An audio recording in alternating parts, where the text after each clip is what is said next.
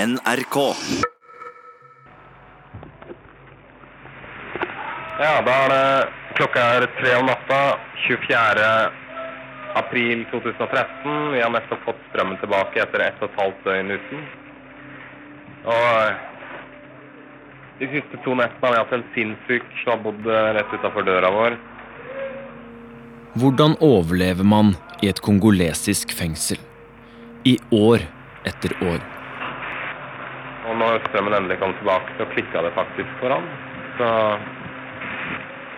nå, eh, nå har han eh, ropt og skreket i tre timer.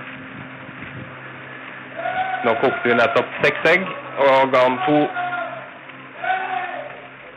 Men sånn som dette holder han altså på. Og hva gjør du når bestevennen din, han du deler håp og dødsdommer med, blir borte? Og du sitter igjen alene. Jeg syns jeg så noe ute på badet, så jeg klatrer ned, og der finner jeg han inne på, inne på badet. Da. Finner jeg fort ut at han verken har pust eller puls. Pour Joslov Moland. Pour Joshua French. To norske menn skal være mistenkt for drap i Kongo. De ser eh, syke ut. De ser ut som de ikke har eh, fått eh, nok mat på lang tid. De er ganske tynne, bleke. Joslov Moland og Joshua French ble dømt for drap, for drapsforsøk, for spionasje, for væpnet ran og ulovlig våpenbesittelse. Vi anså jo oss selv som leiesoldater og kontraktører og agenter, hvis vi måtte være det. Hvor starta fascinasjonen hans for Afrika? da? tror jeg skal ta på meg hele og fulle skylda der. Du hører på To hvite menn. Jeg heter Runar Henriksen Jørstad. Dette er fjerde episode. Denne episoden handler om å overleve. Og om bildet det er umulig å glemme. Bildet der Kjøstholm Moland tørker det blodige bilsetet mens det ser ut som han gliser. Vi fortsetter der vi slapp i første episode. Inne i den mørke jungelen i 2009. To nordmenn er på vill flukt i en Toyota Landcruiser. Den tilhører sjåføren deres, Abedi Kasongo, som ligger igjen i veien. Skutt i hodet. Kasongo levde visst fortsatt, men French sa han og Moland bare måtte prøve å berge eget liv og komme seg unna det de trodde var kongolesiske regjeringssoldater. Men det var bare én vei ut av jungelen, og etter en stund tør de ikke å kjøre lenger. De gjemmer bilen og fortsetter flukten til fots. Vi slo leir i jungelen i flere netter på rad. Eh, og etter hvert så, så snur vi på døgnet, og så sover vi på dagtid. Eh, vi sov bl.a. utenfor en afrikansk landsby. Eh, bare rett utenfor, uten at de oppdaga oss. Og så går vi på natta, både i jungelen og på denne her veien. Denne veien var inne i Okapi viltreservat. Et område like stort som Buskerud, dekket av tropisk regnskog.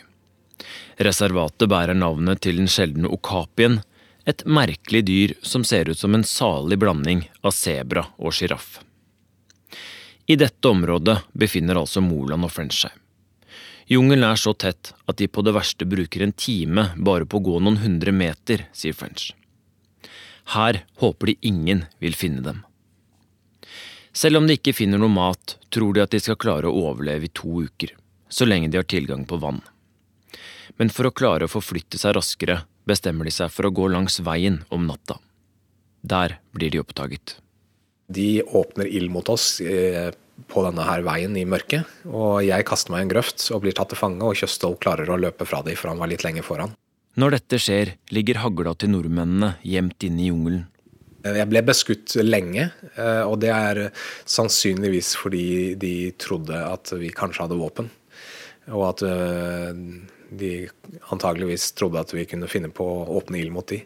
Men jeg blir ikke truffet, og jeg klarer å komme meg ned i denne grøfta. Og så fortsetter de å skyte på meg og i min, min retning, veldig. I flere, et godt minutt til før det gir seg. Og så kommer jeg meg ut på veien og får overgitt meg. En av parkvaktene som var med på arrestasjonen, sa til VG i 2009 at de ikke løsnet skudd mot nordmennene. French har en litt annen versjon. Han sier Moland hadde kulehull både i drikkeflaska og sekken, og at han selv var sikker på å bli skutt der han krøka seg sammen i grøfta. Grøfta var ikke så dyp? Den var ikke den, halvmeter. Halvmeter dyp. Og bak, eh, bak meg så er det jo det som er igjen av en liten afrikansk landsby. Så de kulene fra de føyk jo rett over meg og inn i hyttene der. Hva gjør de når de tar deg? Da blir jeg stramt bundet opp, og så blir jeg banka og slått litt eh, med kolber og med knyttnever. Og så blir jeg truet med henrettelse av obersten. Eh, og han, eh, flere av vaktene, eller disse her soldatene, var jo fulle. Og, og, så ble jeg bundet opp og knebla, og så ble jeg til slutt satt på en motorsykkel og kjørt til Parkvokterstasjonen, der jeg ble overlevert til glattcella der. Neste dag og dagen derpå, etter igjen det igjen, så er det å bli paradert i samtlige landsbyer eh, nedover eh, på vei tilbake til Kisangani by. Og da var det helt uh, vilt. Da var det som i en scene fra en film hvor det sto flere hundre kongolesere som var rasende. De, jeg tror mange av de gjorde det for litt for sportens skyld. Da. Hvordan oppfører de seg da? Vel, de, de, oppfører seg helt vilt og skriker og gestikulerer og feirer sammen. Eh, fordi de liksom har fanget meg, da. Og soldatene som paraderte meg, passet jo også på meg og måtte liksom holde folkemengden fra å rive meg i filler. Så ved flere anledninger så skøyt de helt vilt i luften, og jeg fikk ikke lov å gå ut av bilen ved flere anledninger. Det er kanskje ikke så rart at de er sinna når de ser en hvit fyr de blir fortalt har drept en kongoleser, lagt den igjen i veien og stukket av i bilen hans. Hva tenker du da? Jeg, jeg, jeg, gleder meg bare til det skulle gå over. Jeg håpa at ikke noen stakk meg i øyet med en pinne eller noe sånt. For de prøvde jo å stikke ting inn i bilen mot meg. Eh, og ved et tilfelle i Bafasende, den største landsbyen, så, så ble bilen parkert midt ute på en åpen plass. Og så gikk alle vaktene fra bilen, og jeg satt igjen alene med en halvsirkel med sikkert 100 sinte landsbyboere. Og så kom eh, høvdingen bort for å prate med meg. Og jeg fikk snakket meg ut av situasjonen, og så kjørte vi videre etter hvert. Men da var de helt ville. Hvordan snakker man seg ut av en sånn situasjon? Nei, Man er jo høflig da, mot eh, høvdingen, men jeg sa også jeg holdt på mitt og nekta å gå fra den bilen. Jeg hadde ikke tenkt til å gå ut og treffe de. Altså. Han ville egentlig at jeg skulle bli med han til hytta hans for å snakke med han. Frykta du at de skulle ta deg skikkelig? Ja, jeg kunne endt opp midt i folkemengden og liksom fått bank som bare det. Og jeg ble jo eh, tatt og rista litt rundt fram og tilbake innimellom. Moland er fortsatt på flukt inne i jungelen nå på nordsiden av veien, ifølge French. Der er visst ikke jungelen like tett, men det er vanskeligere å finne vann. French kjøres i Sangani. Hvordan er første natta i varetekt der, da? Jeg var jo inne i dette rommet da, uten vann og strøm. Eh, en liten garasje, egentlig. Med en trepall og en benk som ble satt over døra for natta. Og der inne var det flere som sov, som også var fanger. Så jeg la meg bare ned mellom de og sovna, sånn som man gjør i Afrika. I mørket på jordgulvet? I mørket, ja. På betonggulvet og jordgulvet. Og det var skittent der inne og lukta og alt mulig. Og det var jo tusenvis av mygg. Og jeg hadde jo blitt fratatt skoene mine og lommebok og belte. Så jeg lå jo der og ble bitt på hender og føtter av mygg hele natten. Mens French ligger på gulvet, prøver Moland å få tak i noen som kan komme og hente han. Han har vært på flukt i seks dager og begynner å nærme seg nabolandet Uganda. I et TV-intervju fra 2009 fortalte han selv hva som skjedde. Joshua, jeg trodde at han var drept. Så i grunnen, eh, Jeg var jo for så vidt ganske Jeg var ikke redd, jeg var mer trist. Jeg trodde min beste venn var blitt drept. Um, så Nei, vi Altså, jeg hadde et problem med for vannflaska mi var skutt i filler. Så hadde jeg ikke vann, så jeg måtte ja, ta meg gjennom jungelen. Og etter hvert som jeg tok meg framover, så måtte jeg ta meg sydover. For sydover, lenger nedover, så er det bekker og vann. Så nei, det, var, det var en lang tur. Men jeg kom meg nå hjem. Og det var det jeg sa til meg etter jeg trodde Josh var død. At eh, jeg skal komme meg til Mombasa og få ringt og meldt fra, sånn at i hvert fall noen greier på at vi dør i jungelen. Opptaket er gjort i varetektscella deres. Til NRKs reporter Halvard Sandberg forteller Moland at han til slutt fikk ringt hjem.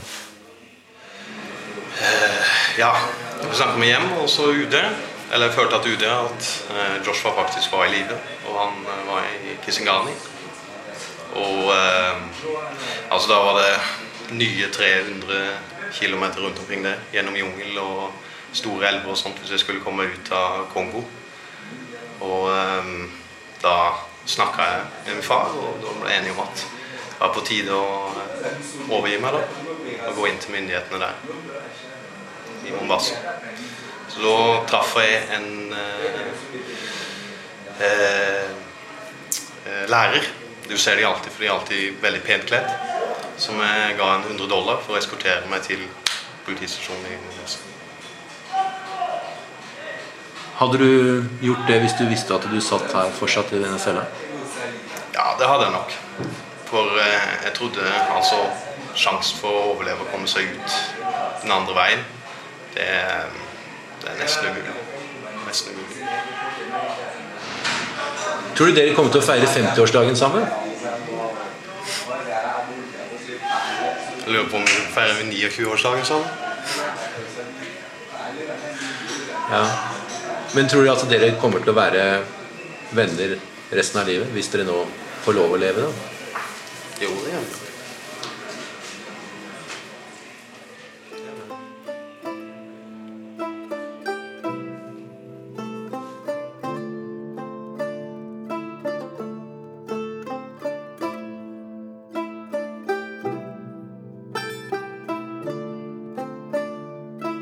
De to norske ekssoldatene sitter sammen på cella i Kisangani.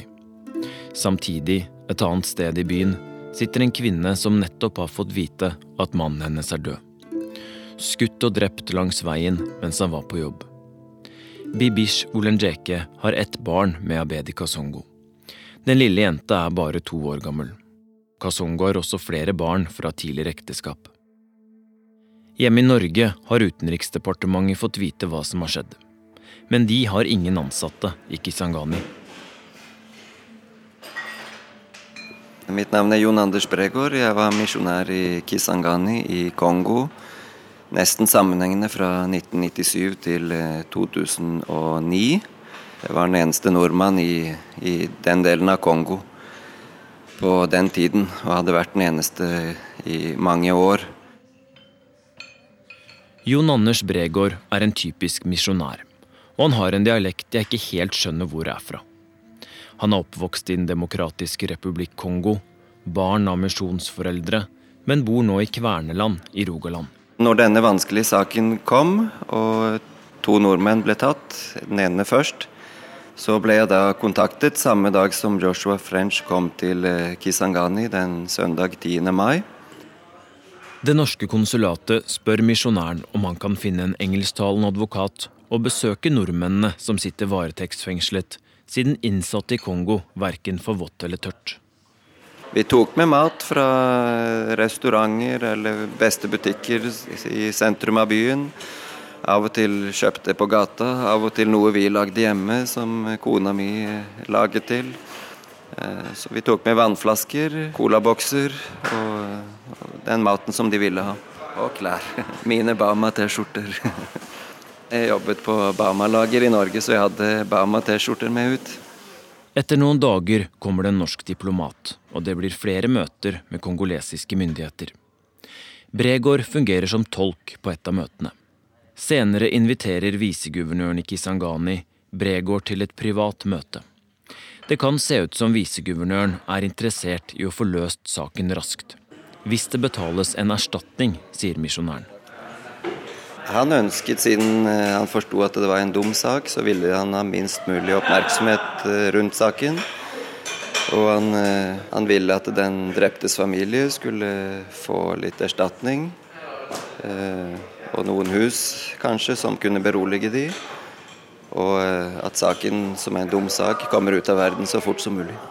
Men dette måtte skje fort? Det er jo best at det skjer fort, sånn at færrest mulig blir innblandet i det. Hvor mye koster det for et par hus i Kisangani? da? De beste husene på den tiden lå vel rundt en 50 000 dollar i sentrum av byen. Oui, moi j'avais proposé au gouvernement congolais, parce que j'avais reçu les, les familles euh, Dette er han som var viseguvernør på den tida, Joseph Bangakia. Han bekrefter at det var et møte der han sa at de søkte rettferdighet ikke hevn. J'avais discuté avec euh, un missionnaire norvégien qui était au Kivu, qui venait régulièrement à c'était un ami à moi.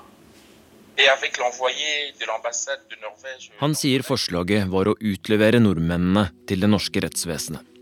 Dersom de betalte erstatning til familien til den drepte med en gang. Det går noen dager. Så dukker bildet opp. Vi skal starte i Kongo. Dette blodbildet hvor uh, Moland tørker blod ut av denne bilen mens han smiler. Aktoratet vil også vise bilder fra en mobil der Tjostov Moland smiler. Smiler, et omstridt bilde. Så sier han at det er ikke bevis. altså Aktoratet de må legge fram, fram bevis, og det har ikke klart. Jeg vet ikke om du har sett blodbildet, men har du sett det, så glemmer du det ikke med det første. Jeg har sett det mange ganger, men synes fortsatt det er litt ubehagelig å se på. Moland står ved siden av førersetet på bilen. Han har en klut i den venstre hånda. Bildøra er åpen, og på innsiden av døra er det fullt av blod.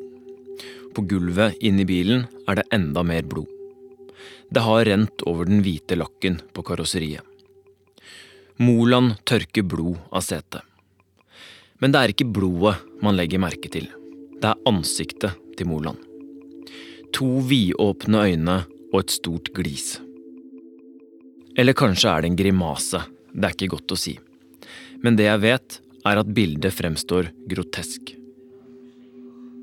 Viseguvernøren og de, de fikk da se disse bildene som var på, på telefonen, og spesielt det blodbildet. Det opprørte de veldig. Når det er sorgetid i Kongo, så har man veldig respekt for eh, dreptes familie. og og det bildet der de ser at han tørker blod, og så ler de av, det, det er i hvert fall det de ser på bildet, gjorde selv den mest positive vanskelig innstilt. Når så du bildet første gang, da? Det var når jeg var i avhør hos eh, etterretningen og hos eh, militær justis i Kisangani. Og da så jeg på bildet og trodde nesten ikke hva jeg så. men uh, der var det. Og jeg, jeg så ikke på det. Jeg, eller jeg så, jeg så, raskt på det, men det er jo sånn liten skjerm på denne her uh, kamera at uh, jeg så jo ikke hvor holdt jeg på å si avslørende det skulle være. Men hva tenker du, da? Jeg tenker at det ser veldig dårlig ut. At det bildet er ute. Men det er, det er, det er, for, det er for, overdreven til å være ekte, da. Slik forklarer Joshua French blodbildet i dag. Det blodbildet av Kjøsse Moland er, det er jo for øvrig ikke et smil, det er jo en grimase. Er jo, bildet er jo tatt idet han beveger på seg. Så han har jo en helt unaturlig kroppsstilling og ansiktsgrimase. Eh, det bildet tok jeg før han vasket setet ut, for jeg ville ha et bilde av eh, setet. For jeg så at det var veldig mye blod der. Og jeg tenkte kanskje det kunne være interessant senere å ha det bildet. Hvordan da? Nei, bare rent ballistisk. Bare i tilfelle det betydde noe. At uh, det kunne bevise noe fram eller tilbake i vår favør eller disfavør. Og på den tiden så trodde ikke vi at Vi trodde kanskje vi skulle klare å flykte ut av landet, for vi hadde venner som kanskje kunne hjelpe oss uh, siden. Hvis vi bare gjemte oss lenge nok i jungelen ved siden av veien. Men når jeg tok det bildet, så så jeg ikke på det. Jeg, tok, jeg, sa, jeg sa ikke smil eller noe sånt til Kjøstvold, jeg bare sa se her, og så tok jeg bildet. Eh, og eh, så putta jeg det kameraet i, i, bilen, og der ble det igjen når vi flykta fra bilen. Sittende i varetektscella med norske T-skjorter med bananer på, er de to nordmennene optimistiske. De tror dette ordner seg ganske kjapt. Jeg tenkte at vi ikke nødvendigvis hadde så store problemer. Jeg tenkte at dette her kunne løse seg allikevel. Tidsperspektivet, hva så du for deg? Nei, Jeg så for meg noen uker. Jeg. Eh, vi hadde jo ikke gjort noe galt. Så jeg så for meg at dette her ville bli oppklart i avhørene, og at uh, vi ville komme oss unna med det. Der bomma du. Der bomma jeg. Blodbildet blir lagt øverst i bevisbunken. Den tidligere viseguvernøren sier han ble sjokkert da han så bildet, og at bildet viser at de to nordmennene er skyldige. En rask løsning var nå utenkelig. Angrer du på at du tok det? Jeg angrer på at jeg tok det bildet, og at jeg glemte igjen kamera i bilen. Og Det bildet ble jo brukt mot oss siden.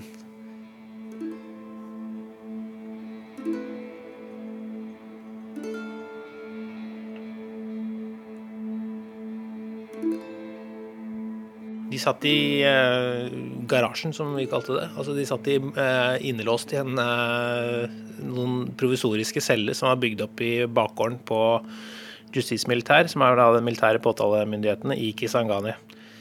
Dette er Tore Bergsaker i Dagbladet. Han var en av de første norske journalistene som reiste til Kisangani for å dekke saken.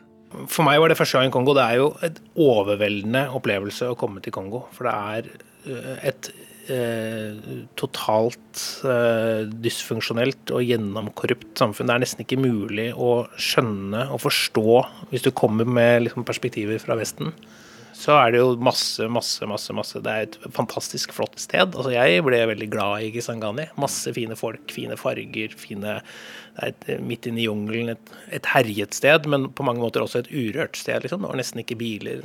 Det, var, det er to celler der, da. Uh, og de var heldige Den andre cella var helt stappfull. Altså Der var det så mye folk at du så at fingrene liksom bare tøyt ut eh, gjennom sprekkene, sprekken under murgulvet og, eh, og jerndøra. Så det er eh, ekstremt eh, møkkete og, og, og, falleferdig. Og der oppe så møtte vi jo da disse to ganske redde nordmennene som hadde vært eh, gjennom en eh, en livsfarlig, selvfølgelig, eh, flukt i jungelen og blitt beskutt flere ganger og, og, og var åpenbart medtatt. Eh, og jeg tviler ikke på de historiene de har fortalt egentlig om hvordan de ble banka opp. Det er en sånn svak eim av søppel og avføring. Eh, svette mennesker, møkkete klær. Eh, mat. Lukten av røyk var der. Altså både, både sigaretter og også sånn røyk fra bål som brukte å koke og lage mat. Det her er Halvard Sandberg i NRK. Han du hørte spørre Moland og French om de kom til å være venner hele livet. Halvard reiste til Kisangani i slutten av juli, altså tre måneder etter at Moland og French ble tatt. Han klarte å smugle et kamera inn i fengselet. Jeg skal ikke si hvor han gjemte det.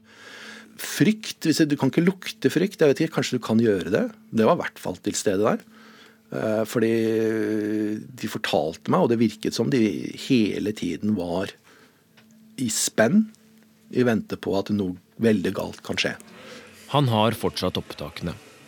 I videoen sitter de to dødsdømte nordmennene på en madrass på gulvet. De er skjeggete og langhåra og forteller om kakerlakker og en rotte som besøker dem om kvelden. Vi sitter inne på cella deres nå. og Hvordan har det vært å være her? Altså Som høl i tak og rotter og sånt noe? Nei, det er jo ikke hver dag man sitter i et hull hvor man får rottedritt ned på seg hver natt. Og du har Bob Kåre og den andre rotta, det er det vi har navngitt dem, som kommer inn klokka 11 hver kveld. Og noen salamandere og kakerlakker som faller ned sånn i tide og utide. da. Anklagene mot de to nordmennene har blitt til tiltaler. Og det er ikke småtteri. Skudd i jungelen som drepte sjåføren, har ført til tiltaler som betyr dødsstraff dersom de blir dømt. For drap, drapsforsøk, spionasje på vegne av staten Norge, væpna ran og forsøk på å danne et kriminelt forbund. Altså sikkerhetsselskapet deres, Siguganda. I opptaket fra 2009 forteller French og Moland at de håper på en ærlig rettssak, og at de ikke har noen formening om hvem som skjøt sjåføren. Og så er de opptatt av behandlingen de får. Korrupsjonsforsøk, drapsforsøker, fysisk tortur, drapstrusler, både av sivile, vakter, medfanger, politi og militær. Utsatt for lynsjmobber, nekte mat og vann. Isolasjonscelle i totalmørke. Provokasjon, pengeutpressing, soning med dødssyke og døde fanger, fengsel uten vakter og sikkerhet, bevitne drap og grov vold, trusler om å bli spist og kannibalisme. I september, fire måneder etter de ble tatt, dømmes de. Og ikke bare litt. De får til sammen ni dødsstraffer. Moland for selve drapet, French for drapsforsøk. De to drapstiltalte nordmennene i Kongo ble altså dømte til døden i dag. Juryen mener at Kjostolv Moland er hovedmannen bak drapet, og at de begge har drevet med spionasje. Vi har vært forberedt på det meste de siste fire månedene, så nei, ingen sjokk. Ja, har dere forsikringer om at uh, dere ikke vil bli henrettet, og at dødsstraffen vil bli gjort om til fengselsstraff? Det finnes ikke noen forsikringer i Kongo. Selv om myndighetene i Kongo ikke hadde henrettet folk de siste fem årene, følte de seg aldri sikre på at det ikke kunne skje.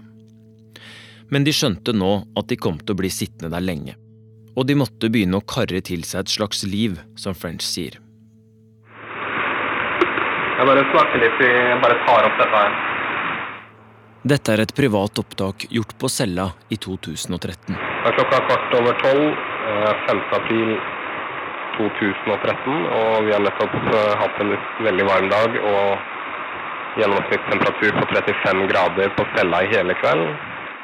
Og nå kom endelig regnet som man kan høre ute. Så vi bare håper at det varer lenge. Hvordan var eh, et døgn da eh, i fengselet mens dere var to? Vi står opp eh, midt på dagen i tolvtiden når sola står som verst. og Da sitter vi og drikker kaffe en halvtime, times tid. Mens tjeneren vår og vi har børsta ut av cella. Tjener? Ja, vi hadde en tjener i fengselet til enhver tid. Det var for øvrig noe de insisterte på selv. Eh, og det var fordi det var en, Vi var jo ikke de eneste som hadde det. Så det, det, var det jo andre fanger som hadde også. Og Det er rett og slett for å løfte de litt ut fra fattigdommen. Eh, så de har sted, en gjeng å vanke sammen med, som var oss. da. Og eh, fikk jo lønn, så klart. Så. Da, stå, da, går vi ut, og så var jeg litt sosial og gikk runden min i fengselet som en annen general. Og hilste på de forskjellige grupperingene og prøvde å få med hva som hadde skjedd. Hvordan var hierarkiet der? Ja, vi, vi, endte opp på utsiden av hierarkiet og litt på oversiden. og Det er fordi vi var såpass mektige for de fleste kongolesere i, i fengselet. Mm. Så vi hadde et par slåsskamper, og uh, vi hadde folk som trua oss og ville ha oss til å gjøre ting, blant annet. De øverste fangene i fengselet der ville ha oss til å jobbe for seg og slike ting. da. Men vi sto på vårt, og vi var jo ikke akkurat to turister som hadde valgt feil hotell. Vi var jo leiesoldater i Øst-Kongo, og det visste de jo. Og når man er soldat, og så fikk vi såpass mye oppmerksomhet fra utsiden, fra media og fra kongoleserne selv, og fra diplomater, at vi ble ansett som veldig viktige. da. Og da er det for en fattig kongoleser så tenker han at hvis jeg prøver å bølle med de nå, så gjør de livet mitt til et helvete senere med penger. For vi kunne jo bare betalt fengselsdirektøren f.eks. For, for å ødelegge for den fangen. Gjorde dere det? Nei. Eh, vi, har, eh, vi drev litt med intern politikk, som det heter. da i fengselet og fikk eh, forskjellige folk i maktposisjoner som passa oss bedre, sånn at vi fikk tak i mobiltelefoner og whisky og slike ting lettere. Så vi var en del av fengselsdynamikken. To hvite leiesoldater på utsiden av hierarkiet. Fotball på dagen, brettspill og BBC på cella om kvelden. Vanlige sykdommer i fengselet var ifølge French skabb, tuberkulose, malaria og infeksjoner. Nordmennene fikk såpe og medisiner inn i fengselet og ga de andre innsatte førstehjelp. Jeg ble kalt Dr. John eller John eller eh, Joshua. Hvorfor Dr. John? Nei, Det var jo fordi jeg hadde en spesiell interesse da, av eh, krigskirurgi og av eh, tropiske sykdommer. Så jeg satt og leste meg temmelig mye opp på sånne ting som ansvarlig i selskapet da, for eh, det medisinske helseting. Opererte du pungen til en i fengselet? Jeg har sydd en pung en gang, eh, som var eh, infisert. Men jeg har sett for meg dere sitte der på cella, bleike og syke og triste. Men det her høres jo nesten litt ålreit ut? Ja, men dette er etter en stund, da, når regimet liksom gir slippen på oss og vi var dømte menn. Og da, da fikk vi liksom bygd oss opp eh, uten rettssaker og advokater overalt. Og eh, i begynnelsen så var vi veldig syke og hvite og bleike og tynne. Men eh, etter hvert så fikk vi bygd oss opp igjen i fengselet. Og det var jo med tanke på flukt også, at vi bygde oss opp fysisk. Hva betydde det å være to stykker, av? Jeg tror at hvis eh, Kjøstholm hadde vært alene, så hadde han slitt mer enn hvis jeg var alene. Og det er først og fremst fordi jeg er veldig sosial. Eh, jeg var jo gjennom hele oppholdet mer sosial med de andre fangene. Og fangevoktere og sånne folk som kom inn. Eh, han var litt mer inn i seg selv. Men det skapte jo en spesiell dynamikk at vi var to stykker. Vi hadde jo mye kulere sammen enn hvis vi var alene, da. Dere må jo ha blitt drittlei av hverandre òg? Jeg blir ikke lei av han. Gjør du ikke Nei. Jeg gjorde ikke det, altså. Noen sier at dere slåss en del òg? Nei, det er bare tull. Og det er nok et sånt Kongo-rykte. På cella har de skrevet Stanleyville, det gamle koloninavnet på elvebyen Kisangani. Henry Morton Stanley var journalisten og oppdageren som reiste gjennom Kongo i 1871 for å finne doktor Livingston. Det var en temmelig brutal ferd. Noen år senere ble han sendt ut på oppdrag fra den belgiske kongen, som ville være enehersker over Kongo. Landet midt i Afrika som er 76 ganger større enn Belgia. Å høre om den tida er ganske dystert. Vi snakker om tvangsarbeid, drap på lokale svarte og avkapping av hender om man ikke leverte nok gummi til staten. Først i 1960 ble Den demokratiske republikk Kongo et selvstendig land. Stilen vår var eh, litt sånn old Africa hand og litt kolonial. Og west, liksom vestlig kolonial, da. Ikke Så eh, klærne våre var eh, kaki sammensatt, og vi hadde jo shortser fra Sør-Afrika og sånne ting. Og det var stilen vår. Å se ut som Ikke som to turister som var bortforkomne, men se ut som om vi levde og jobbet på kontinentet. Hvorfor det? Det er jo, Man kler seg jo sånn man ønsker å bli oppfatta og sånn man kanskje er. Og det var sånn vi ble vant til å vise oss til eh, andre hvite eller afrikanere på kontinentet. Hva skrev dere på veggen, da? Expatriate Club, Stanleyville Prison. Så vi hadde liksom The Trading Post. da, Så vi, vi hadde litt kolonihumor uten at uh, vi dro det for langt. Så det det var litt gøy å skrive 'Trading Post Standyville Prison' på utsida av cella vår. Og liksom være the outpost of the empire. Hvordan ble det oppfatta å skrive Stanleyville? Du, akkurat, eh, ja, På innsida av cella vår så fikk vi lov til det, men fengselsdirektøren insisterte på at det Trading Post skulle bort da, etter hvert. Litt kolonihumor, sier French. Jeg vet ikke hvor gøy fengselsdirektøren syns det var. Og vi skal høre mer om dette med Stanley og kolonitid i neste episode. Men nå som French er hjemme igjen, er han opptatt av at han og Kjøstholm Moland også hadde det gøy innimellom. Man treffer så mye underlige karakterer og personligheter. Som i en stor afrikansk landsby med alle disse personene. Og det var slåsskamper og fotballkamper, og det var smugling av marihuana, og ordføreren og guvernøren var innom, og det var fluktforsøker og regnstormer og alle disse utrolige tingene som man bevitner i, i et, fengsel, et åpent fengsel i Øst-Kongo. Men intet tre vokser inn i himmelen, heller ikke et kongolesisk fengsel. Tre rettssaker. Dødsdommene blir opprettholdt. Statsminister Stoltenberg sender brev til Kongos president Josef Kabila. Han får visst ikke noe svar. I flere år jobber norske myndigheter med å få til en avtale for å få de to norske fangene hjem, uten hell.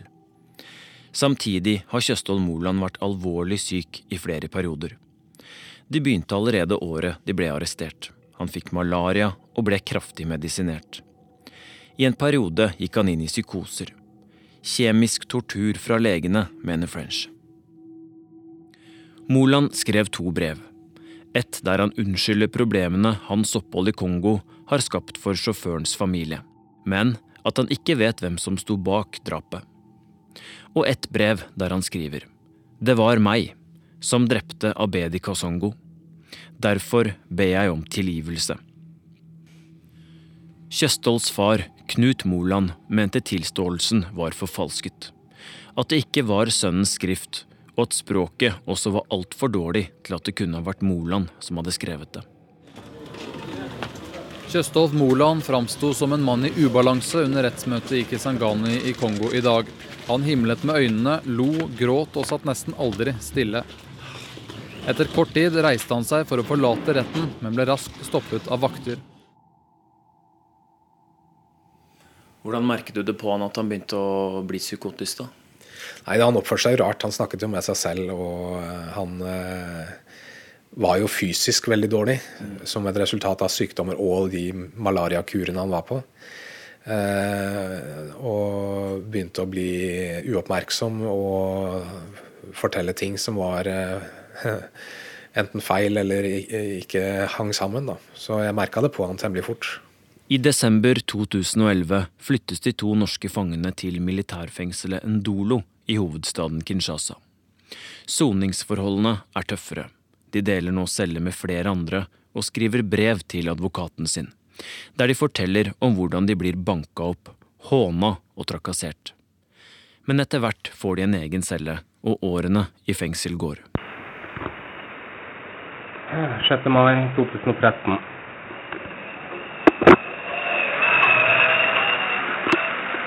Og dette er hvordan det høres ut på cella vår. Eh, høres ut som et rusttog hver eneste dag. I en time på kvelden.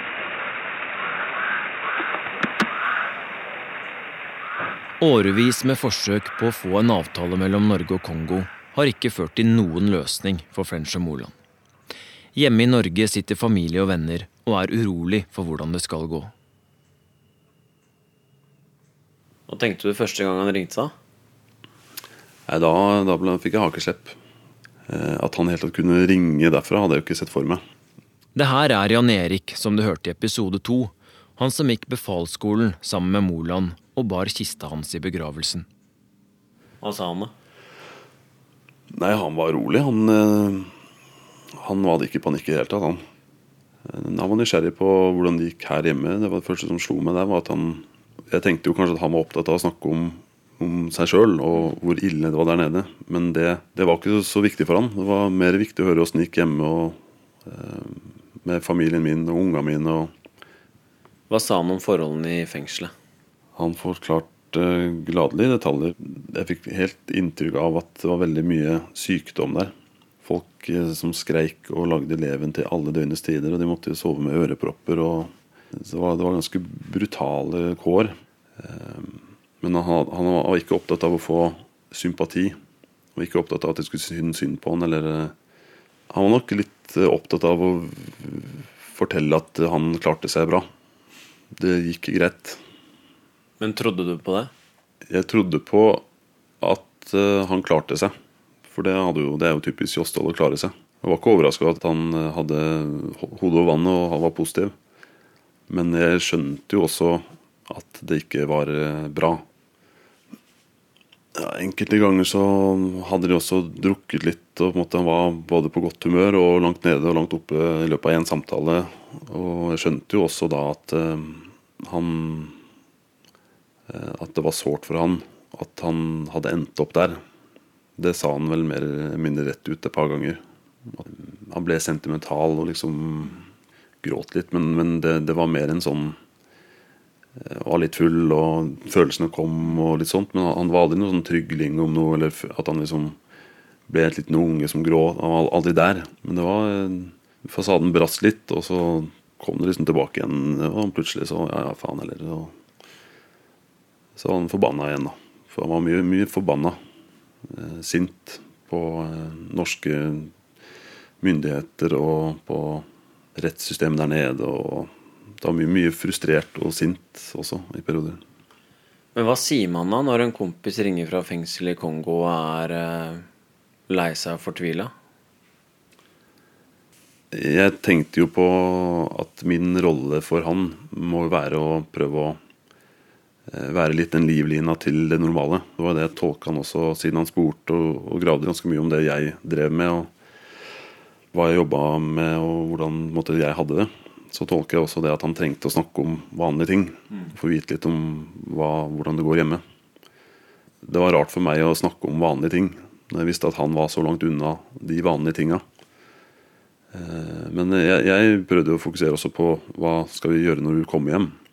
For han snakka jo om at, eh, at det var noen forhandlinger, og så hadde det vært nære på, og så var det gått i dass. da, Det gjorde det flere ganger.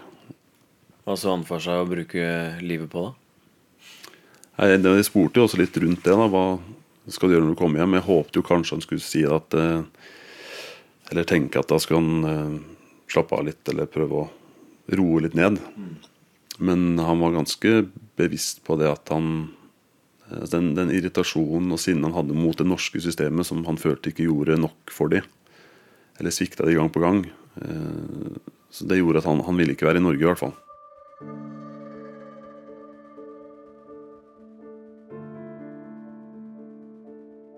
Tida går. I april 2013 besøkte Mathilde Moland sønnen sin i fengselet.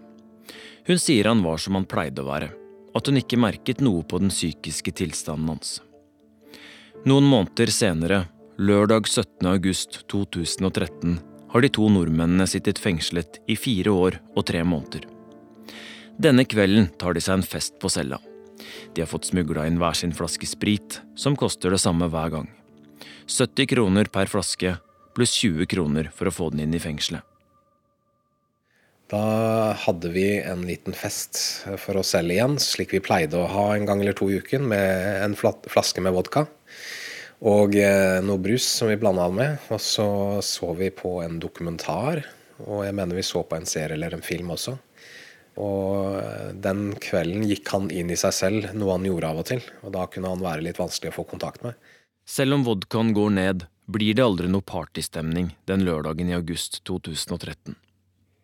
Men French sier det ikke er noe med Molands oppførsel som gjør han spesielt bekymra den kvelden. Han gikk inn i seg selv og satt og Han kunne snakke litt med seg selv av og til og slike ting. Og da visste jeg at jeg måtte gi han rom da, å, og plass. For å, at han skulle få lov til å, å føle at han ikke måtte snakke med meg hvis han ikke ville. Men Var det noe den kvelden du reagerte på som var annerledes? Nei. Ikke spesielt, egentlig. Eh, en av to ting skjedde når vi drakk. Enten så ble han veldig engasjert, og da satt vi gjerne og prata og lo og hadde det gøy og så på filmer eller TV-serier eller hørte på radio og spilte brettspill. Men, eh, og av og til så gikk han inn i seg selv når vi drakk. Og det var en av de kveldene han gjorde det, og at han ikke ønsket å ha kontakt. Han øh, lot seg påvirke øh, i større grad enn jeg, kanskje, av hva vi hadde vært igjennom. Men var du redd for at han kunne utgjøre noe fare for seg selv? Nei. Og han hadde sagt til meg en gang tidligere mens vi var i Kisangani, så hadde vi ikke hatt en krangel, men han, han var utagerende. Og da hadde han sagt liksom truet meg litt med da, at var det løsningen på det hele, liksom. Men uh, utenom det så hadde han aldri tidligere gitt noe inntrykk av til meg da, at han var suicidal. Hva mener du løsningen på det hele? Nei, han, han, Det var en periode han var veldig syk i Kisangani. Og da opplevde jeg han som eh, litt skjør et par ganger, da. Og utenom det så hadde, opplevde jeg ikke det noen gang. De drikker i mange timer, og begge er fulle når de går og legger seg i totida, ifølge French. I retten forklarte han at han så vidt registrerte at Moland sto opp. Så våkner French igjen i tre-fire-tida. Han er fortsatt ganske full, men ser at det ikke ligger noen på madrassen under han i køyesenga, forteller han. Jeg sov over han, så, men jeg syns jeg så noe ute på badet. Så jeg klatrer ned, og der finner jeg han inne på, inne på badet, da, som er temmelig lite. Jeg tenkte nok først og fremst handling, og at her var det om å gjøre å gjøre noe, ikke så å tenke eller føle for mye. Og da finner jeg fort ut at han verken har pust eller puls, og da, da gir han opp. Eh, så jeg setter han i en stilling og venter i grunnen på at vaktene skal komme på dagtid. Jeg prøver å ta kontakt med en på nabocella først, men han, det som er at alle har vifter som går eh, temmelig høylytt på, på, cellene sine. Og det demper lydene, så han våkna ikke av eh, ropene mine da. Så jeg venter til morgenkvisten når vaktene kommer, og så begynner hele sirkuset. Det var virkelig et tungt eh, setback, altså, eh, når han døde. Og jeg, tankene mine gikk jo øyeblikkelig til familien hans eh, og det livet han hadde retten på, da. Hva Kjøstholm Moland tenkte den kvelden før han døde, er det ingen som vet. Den norske rettsmedisineren som reiser ned og obduserer Moland, er klar på at det dreier seg om et selvmord. Politifolkene fra Kripos sier ingenting tyder på at det er noe straffbart som har skjedd. Joshua French mener Moland ikke var frisk på den tida. Han hadde sonet fire år i kongolesiske fengsler, vært malariasyk og tungt medisinert. Men Får du litt panikk, for da skjønner du at nå er du alene? Nei, jeg får ikke panikk. Eh, akkurat når jeg fant han, så var jeg temmelig full selv. Da. Så jeg klarte ikke å tenke helt klart. Men uh, jeg jeg tenkte det at nå, jeg, nå, kom dette her til å bli en ny Kisangani-affære. da, Med masse rettssaker og dommere og advokater overalt. Og utrolige statements i media fra kongolesernes side. Og det ble det jo også. Du skjønte du kom til å bli dømt for det? Ja, og, og da, så jeg, jeg, tror jeg begynte å stålsette meg temmelig tidlig allerede for den, eh, den behandlingen jeg kom til å få.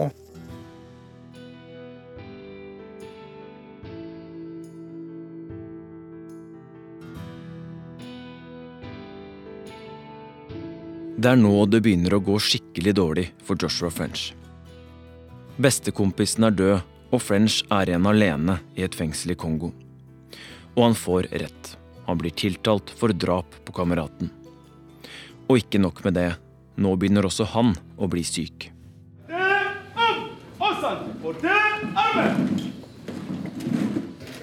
Er Joshua French for dårlig til å svare for seg i retten eller ikke, var spørsmålet da den militære retten ble satt i fengsel i morges.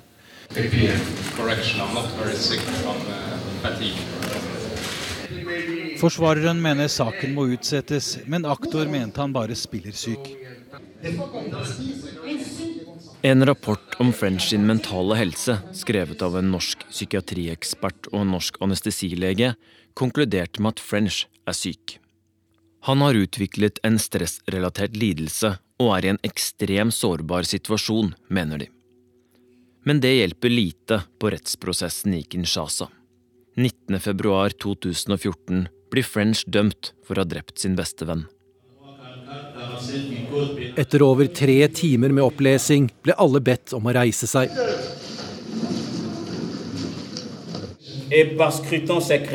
Retten mener Moland var for full til å ta sitt eget liv.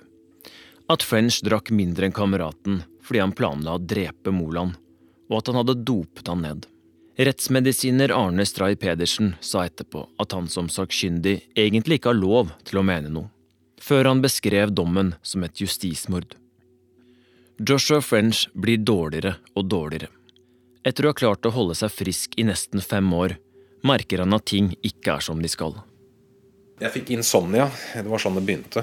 Og så, etter et par uker med insomnia, så begynte jeg å bli temmelig røret i hodet. Og fikk jungelfeber og det meste. Og så kan det hende jeg var under angrep fra malaria og sånn. Og når man er svekket psykisk, så får man lettere fysiske sykdommer. Og til slutt så bare knakk jeg. Og da var jeg et par måneder i fengselet hvor jeg ble skikkelig dårlig behandlet av medfanger og av vakter. På direktørens ordre. Hvorfor knakk du?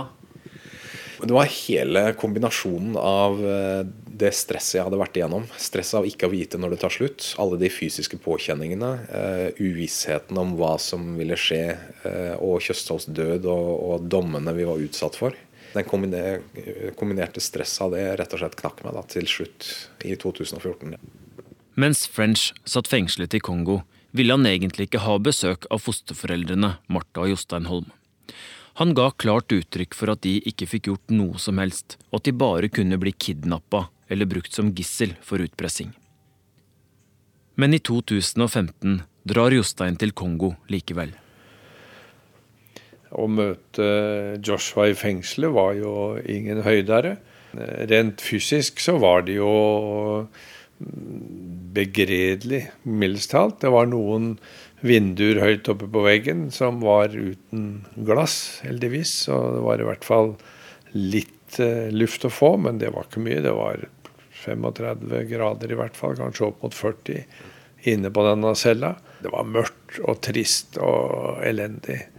I jernsenga ligger Joshua. Det er flere år siden Jostein har sett han. Han var sjuk da jeg kom. Han hadde malaria. Ikke spiste den og lite drakk den. Han var slapp. Han var ja, ikke apatisk, men ikke så langt unna. Så var det om å gjøre å få han eh, på sjukehus. Men det siste intervjuet jeg fant med deg, var jo fra, fra 2014.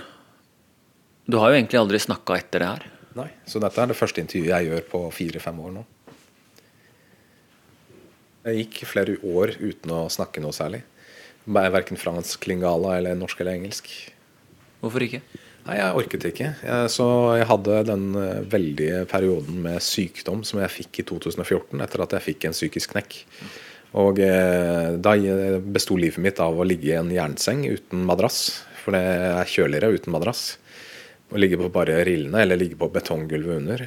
Og eh, på dagtid å gå fram og tilbake en gang. Og det var det jeg gjorde i seks til åtte timer hver dag. Å gå fram og tilbake i min egen verden. Men I en gang? I en gang, ja. ja. Jeg orka ikke å gå ute, for jeg fikk ikke lov de siste par årene å gå ned til eh, fengselsgården. Så vi hadde bare en lite uteområde, men der var det så fullt av kloakk og andre fanger som satt i veien, så jeg gikk innendørs for det meste. Hvor lang er den gangen, da? 15 meter.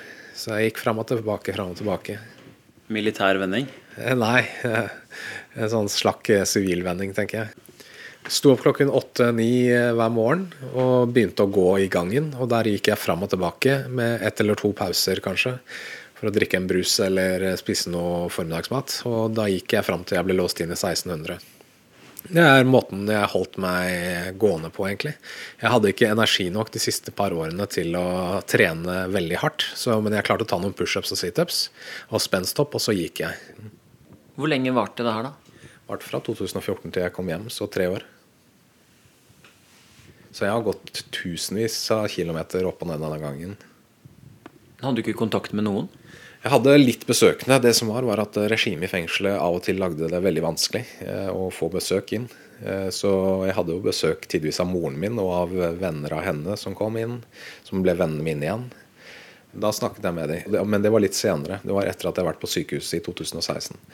Men før det så gikk jeg et par år uten å snakke med noen i det hele tatt, nesten. Hvordan er den følelsen å være så sjuk, uh, ligge der på betongen uh, i Kongo?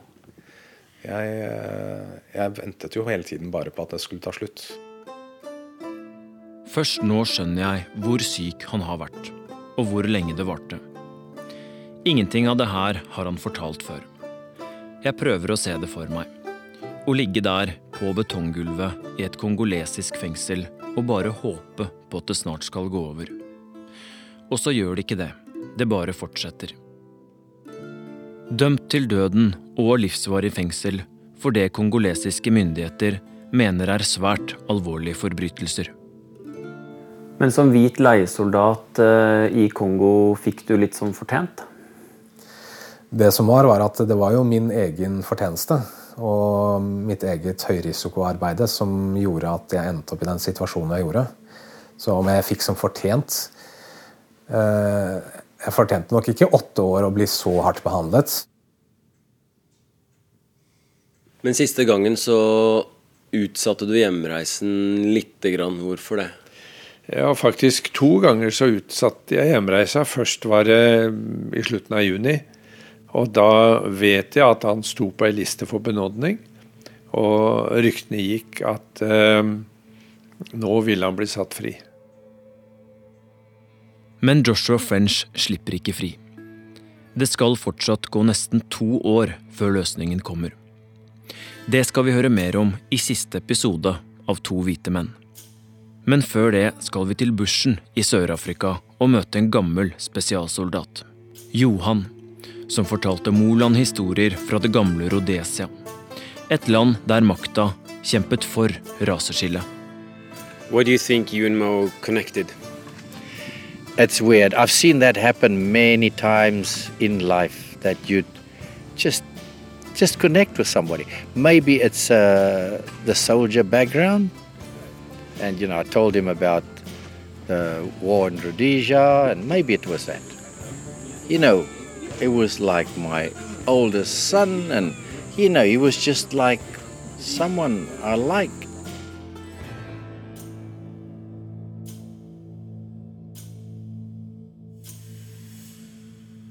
Denne episoden av To hvite menn er laget av Irina Kjelle, Marit Kolberg, Lillian Grønning og Runar Henriksen Jørstad. Komponister er Jane Kelly og Sindre Otvedt. Redaktør Marius Tetli. Vi høres igjen om en uke.